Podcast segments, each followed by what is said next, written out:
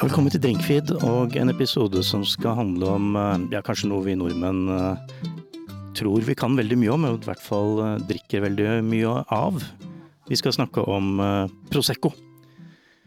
Og Prosecco er jo en, en boblevin som vi har kanskje et litt sånn abvivalent forhold til.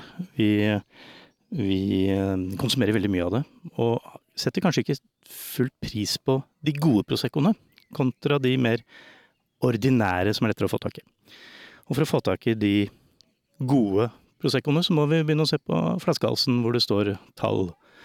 DOC, DOCG er jo bokstaver som kanskje ikke betyr så veldig mye for, for mange som ikke vet hva det er.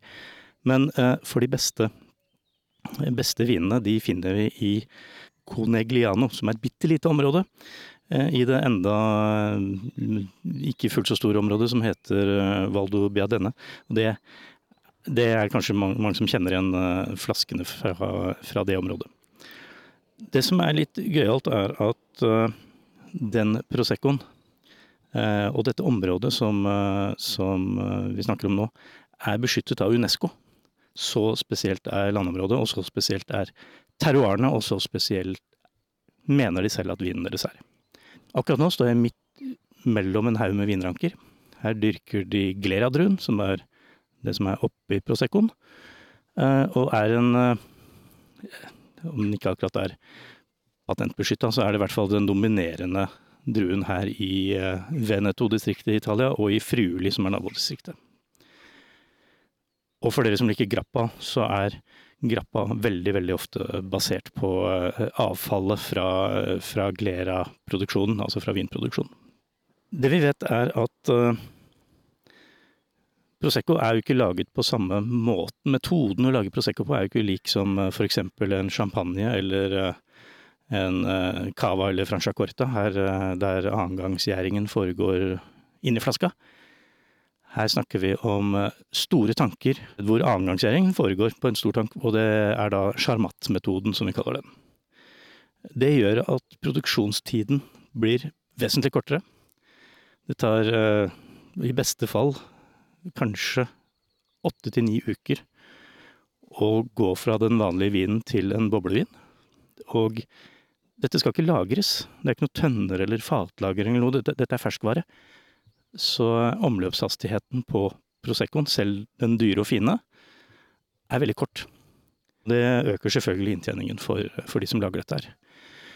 Og så er det det at vi i Norge kanskje har en ja, noen, noen, har dårlig, dårlig, erfaring med Prosecco, kanskje har fått dårlig rykte, men så fins det da denne gode Proseccoen, eh, disse høykvalitets Proseccoene, som man skal begynne å se etter.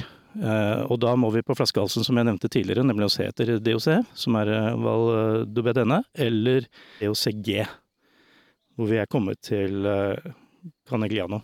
For italienerne selv så er det ikke tvil om at dette er liksom toppen av kransekaka av, av viner. Og selv inne i området i Canegliano så kommer vi til en liten by som heter Caritizza, som kan man kan nesten, Hvis vi snakker om crew og den slags i Prosecco, så er det jo så er det Kartitze som gjelder. Og dette programmet, dette lille innslaget er sånn, det handler jo om hvorfor vi skal velge den, jeg håper å si, dyre Proseccoen. For den, den som er topp her, den, den, koster litt penger. Og så er det spørsmål om vi skal velge en litt medium god eller halvdårlig champagne, eksempel, til prisen av en super, super Prosecco. Og det kan vi jo spørre, jeg skal gå litt bort til åkeren her, så står det, der står det et menneske. Skal vi se hva vi kan få ut av det et lite øyeblikk.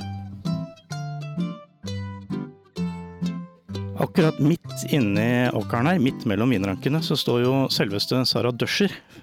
Nylig blitt VG-vinekspert, og det er litt kult. Hva, hva tenker du om Prosecco nå, Sara? Jeg tenker veldig mye annerledes om Prosecco enn før jeg kom, i hvert fall. Jeg er blown away, i hvert fall ut ifra hvordan området ser ut. Jeg er helt satt ut, faktisk, denne regionen her. Den overleverer. Og jeg trodde liksom jeg kom til vinhimmelen da jeg var i Dorodalen. Trodde det skulle være det mest fantastiske og det vakreste av alt. Og så må jeg si at jeg nesten er litt i tvil nå, etter å ha vært her et par dager, i disse fantastiske åsene i eh, Prosecco Superiore-dalen. Og nå er vi jo i Cartitze, det er jo Grand Cru indrefileten. Ja, altså, vi, vi snakker jo en del om kvalitet, og eh, som jeg nevnte tidligere, så har jo eh, kanskje Prosecco et litt sånn medium godt rykte. Men etter å ha vært her og smakt liksom det som er helt Altså, som du sa, indrefileten. Er, er det egentlig grunn til å se på Prosecco med litt andre øyne? Ja, det syns jeg det er, og det er det jeg syns er det morsomste å ta med seg hjem. Og jeg gleder meg til å skrive om nettopp det du sier med at uh, Prosecco er ikke lenger bare Prosecco. Det fins kvalitetsnivåer som er mye større og viktigere enn det vi kanskje har trodd. Uh, og det trenger folk å høre og få vite om. Og det er, vårt, uh, det er vår jobb da, Tom.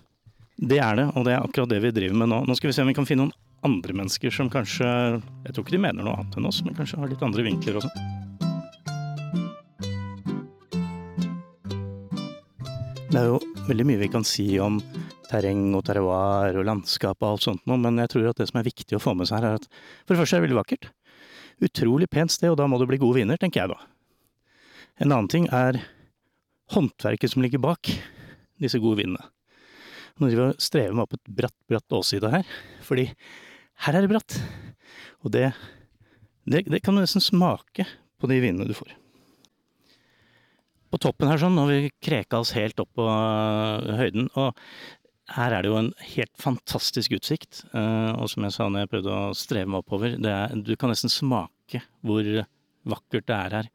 Eh, her oppe så sitter en annen kar og skur utover, og det er eh, Francesco som er eh, faktisk norgesmester eh, i eh, sommelier. Hva, tror, hva, hva syns du for det første om, om det området her? Du er jo fra Italia. Ja, nei, det, som du riktig sier, det er en fantastisk område. Det er utrolig vakkert her. Egentlig min første gang i uh, Valdobbiadene, men uh, det blir ikke den siste. I hvert fall på, det, på naturen uh, sin side og på utsikt sin side. Det er en uh, utrolig flott sted. Ja, og som overalt i Italia, så er det alltid en eller annen kødd som skal starte bilen sin og begynne å rygge og kjøre. Det, det er jo bare sånn det er. Det som er bra, er at eh, da slipper vi å gå hele veien ned igjen. Produktene som vi har smakt på, vi har vært på en del eh, vingårder og produksjonssteder og sånn. Har du fått noe annet inntrykk av Prosecco generelt, av å liksom komme til indrefileten av eh, der de lager de beste? Eh, ja, absolutt. Jeg mener, eh, det er veldig, veldig fint det som skjer nå egentlig i Prosecco. Det har vært en prosess siden jeg vil si 2019 med, med disse rive- og soilieviti appellasjoner i Valdobbiadene. Og ja, først og fremst er det viktig å snakke om valdobjadene mot Prosecco. Da, eh, jeg tenker at der er så klart veldig stort potensial. Eh, hvis jeg skulle sammenligne med en annen region i Italia, der jeg hadde tenkt f.eks. det som skjedde i Chianti, så Prosecco har hatt en veldig stor vekst. Og nå de begynner å tenke ok, nå vi må differensiere kvalitet fra kvantitet. Eh, og der kommer inn den prosessen som skjer nå i Valdobbiadene. Så potensialet der, eh, det som jeg føler at kanskje de så klart trenger å jobbe fremdeles litt med produkt, men eh, jeg tror at vi kommer til å høre mer om eh, Prosecco. Og igjen, hvis du tar Chianti som eksempel, det er det som skjedde der i 1996. Chianti i appellasjoner ble en separat løsning. Og det er nå som vi begynner å, de begynner å høste frukt av den eh, forandringen. Sånn at eh, forhåpentligvis det kommer ikke til å ta nesten 30 år som det gjorde i Chianti, men eh, det krever fremdeles litt jobb. Men potensialet er absolutt der. Så det er litt sånn jobben til oss, da, journalister og ikke minst sommelierer ute på restaurantene, å overbevise folk om at dette er produkter som det er verdt å betale litt penger for, og det, og det er bra greier. Ja, det er så klart eh, vi må gjøre vår del, og produsenter må også fortsette med den uh, vei som de har startet. Så fortsette å fokusere på kvalitet, og fortsette å, å, på en måte, å prøve nye stiler som kanskje er ikke nødvendigvis de tradisjonelle, men som kan tilføre til veldig, veldig bra produkt. Ja, da har vi eh, ekspertens dom her. Eh, Dette kan bli veldig bra. Det trenger bare å, å følges opp. Og, og, og dere som hører på, dere må jo bare gå og, og spørre etter den riktige Proseccoen. Er det den som har eh, røde merker på halsen med DOC og DOCG.